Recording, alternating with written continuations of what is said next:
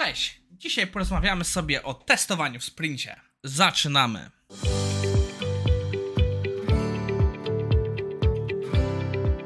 Cześć, nazywam się Maciej Wyrodek, a to jest IT Pool Special na 12 maja 2022. IT Pool Special to są takie moje luźne przemyślenia yy, na podsumowanie tygodnia, gdzie często adresuję tematy, które między innymi pojawiły się w odcinkach z tygodnia. I dzisiaj w jednym z dniów mieliśmy artykuł poświęcony Agile'owi i o tym, jak pewne rzeczy powinny dziać się równolegle w Agile'u, gdzie kociara w komentarzu podniosła bardzo ciekawy temat, a mianowicie, że ona ma, e, ona widzi problem z dowożeniem testów. O co chodzi? Chodzi o to, że mamy sprint i tak naprawdę e, jest wyceniona jakoś robota. Tu się dzieje parę już problemów, e, ale do tego przejdziemy sobie za chwilę.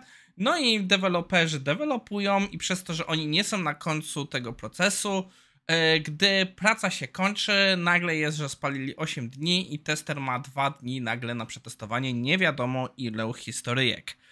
I no, tutaj jest właśnie, autorka mówiła w komentarza o tym, że na przykład zastanawiała się o tym, żeby rozjechać sprinty testerskie i deweloperskie, co też widziałem w paru miejscach do użycia.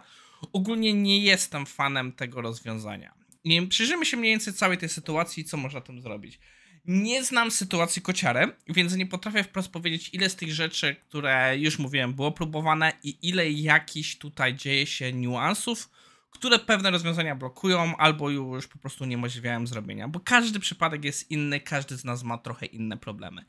Najczęściej co z tego wynika jest to, że testowanie nie jest uwzględniane w wycenach. Bardzo często jest tak, że deweloperzy dadzą swoją wycenę, oni powiedzą, że to jest na przykład piątka i no tester musi się pogodzić. Najwyżej na dużo testerów też to widzę, nie wiem jak jest u kociary, myślę, że nie, patrząc, że jest aktywną osobą. W ogóle na e, sprint review, na właśnie planningach e, milczą i tak naprawdę są na spotkaniu, nie podnoszą takich tematów, jak na przykład jak planujemy sprawdzić, czy to działa. I moim zdaniem jest to bardzo istotne pytanie, chyba najważniejsze, jakie możemy zadać, jak chcemy to przetestować, jak chcemy upewnić się, że to robi to, co mu powinno które bardzo często ma może zmienić wycenę. Ja też jestem zdania, że testerzy powinni wyceniać, wyceniać pracę i ona powinna być jak najbardziej uwzględniona w storypointach. Miałem parokrotnie sytuację w życiu, gdzie z perspektywy deweloperskiej zmiana była trywialna i na przykład trwała, była wyceniona na powiedzmy dwa punkty czy trzy punkty, a z perspektywy testerskiej była to ósemka, bo tyle różnych systemów się z tym integrowało, czy tyle różnych części aplikacji się z tym integrowało i gdzieś to miało wpływ, że e, nie było to łatwa odpowiedź, że było to wiele więcej do testowania i dużo kombinacji, które no mogłoby się wydawać nie trzeba sprawdzić, ale no też są historyczne rzeczy, że ta, że zmiany w tym obszarze potrafią to, na to wpłynąć. Widziałem takie przypadki, ósemka to jest takie już z dwójki na, z trójki, dwójki, trójki na ósemkę to jest rzadkość, ale spokojnie widziałem sytuację, że wycena testerska była przynajmniej o poziom wyższy niż deweloperska, bo nagle się okazywało, że to jest o wiele bardziej problematyczna rzecz do przetestowania. Kolejną rzeczą, którą właśnie, i to też pomaga sobie nam pomóc, bo przez to, że mamy więcej, większy na tą ilość punktów, nie rzeczy wchodzi na sprint. Wiele zespołów nie zgadza się z tym, bo to nie o to w tym, e, bo mówią, że, nie, nie, że to nie jest e, część pracy deweloperskiej, że nie chcą tego wyceniać ale nie zapomnijmy o tym, że tak naprawdę my idziemy na definicję, że my mamy co zrobić don. I don nie jest w momencie, kiedy deweloper skończy test, skończy dewelopować kod. Don jest w momencie, jak będzie to na produkcji, jak będzie to skończone. Więc jeśli mamy nasze definition of done i, ma, i w niej jest przetestowane, no to jak najbardziej te rzeczy powinny być wyceną. I to jest kolejna rzecz, a mianowicie e, definition of done że tak naprawdę bardzo często coś, o czym ludzie nie pamiętają, że właśnie to nie jest to, że to jest zrobione przez dewelopera. Musi być przetestowane, czy na przykład musi być QA done, ale to nie jest konieczne. Są inne opcje i to jest opcja, którą ja bardzo lubię.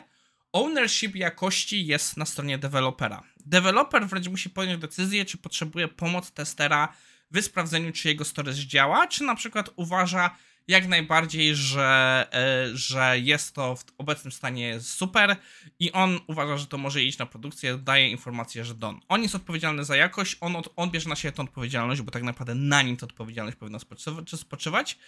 I tak naprawdę cała robota QA jest to już bardziej mu pomóc, jak on może to przetestować, czy właśnie nawet na jego prośbę to przetestować. Ale odpowiedzialność bierze dalej deweloper, co znaczy, że tak naprawdę jeśli on skończy w przedostatni dzień sprintu, to jest jak najbardziej jego decyzja, czy właśnie on powinien może z, z dogadaniem się z PM-em powiedzieć, ok, idziemy w tym stanie, tak to wy, wy, wypuszczamy.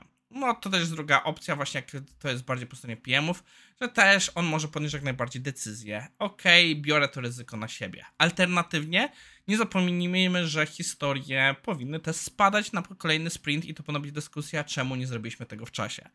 Ważne jest, żeby tutaj pamiętać, rysować timeline, mieć właśnie rysować, kiedy jakieś bottlenecki się działy, żeby nie było tak, a bo testerzy nie wyrobili się w czasie, tylko no, żeby też pokaza- być w stanie pokazać, że testerzy nie mieli szans wyrobić się w czasie ale to dalej zakładamy, że testowanie dzieje się w tym wypadku na końcu. W bardzo wielu wypadkach my możemy to testowanie przenieść też do przodu. Jak już wspomniałem, pytanie, jak możemy to przetestować. Takie podejścia jak risk-based testing, czy właśnie Free Amigos, spotkanie Free Amigos z przodu, yy, mogą nam pomóc zaplanować właśnie przed wszystkim te testy, co jest zrobione i dogadać sobie z deweloperem, co gdzie ma być sprawdzone. Bardzo często może się okazać, że sporo rzeczy odpadnie, bo on powie to, to, to mogę pokryć na unit testach, zakładam, że unit testujemy, a to i to i to na przykład mogę przygotować jakiś tutaj endpoint techniczny, który pomoże te rzeczy sprawdzić. Więc jak najbardziej wtedy można te rzeczy prze, przyspieszyć. Kolejną rzeczą, co ja bardzo lubiłem, jest testowanie nieskończonej historyjki. Co blokuje nas rozpoczęcie testów, jeśli deweloper jeszcze dalej dewelopuje? Powiedzmy, że zaczyna działać Happy Path, no to deweloper nam mówi, hej, ten Happy Path jest już do testowania, możemy zacząć go klikać, zanim deweloper jeszcze skończy testować. Oczywiście musimy być wtedy świadomi, gdzie rzeczy mogą nie działać, czyli co jest jeszcze niezrobione w ramach tej historyjki, ale już możemy zacząć mu na przykład dawać feedback, że to jest nie działa, to, to jest do poprawy, czy z tym są problemy bo to też jest w stanie bardzo przyspieszyć testowanie. Pracowałem tak w paru firmach, bardzo lubię sobie to podejście. Dalszym krokiem jest po prostu def, yy, to jest to, wynikające już bardziej z obowiązku dowożenia. Ludzie nie pamiętają często też, że w Agile'u, zwłaszcza Scrumie, jest obowiązek dowożenia.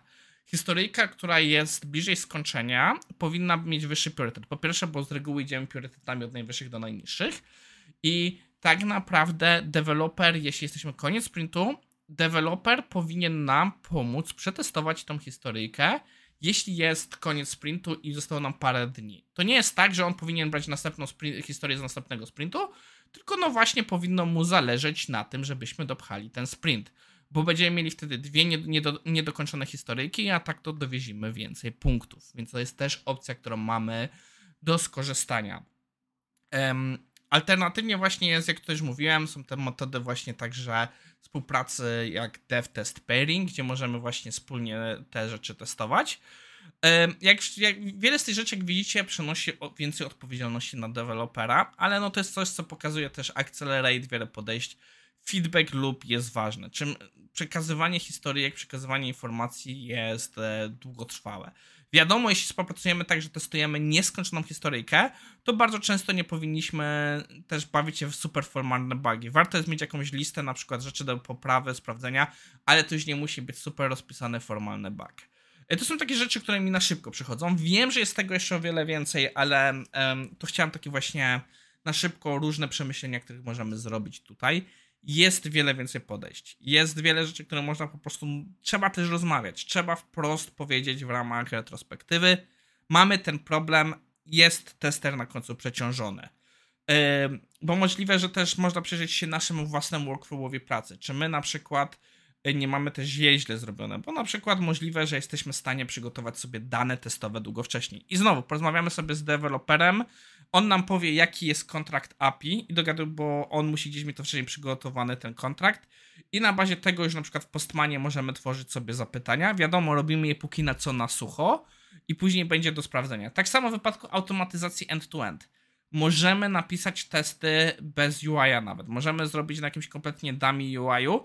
Wiadomo, będą później rzeczy do poprawy, bo dopiero jak dostaniemy, będzie coś nam nie działało, ale już często jakiś stab będzie gotowy. Bardzo fajnie to działa, zwłaszcza jeśli, jeśli na przykład dostajemy moki UI-a, to na jego bazie możemy już coś sobie zaplanować, jak ma to działać. Wiadomo, do poprawy później.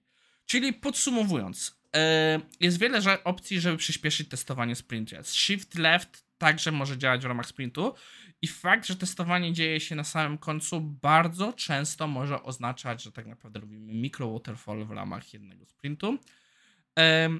Jest dużo opcji, powiem, nie jest to łatwo te opcje wprowadzić.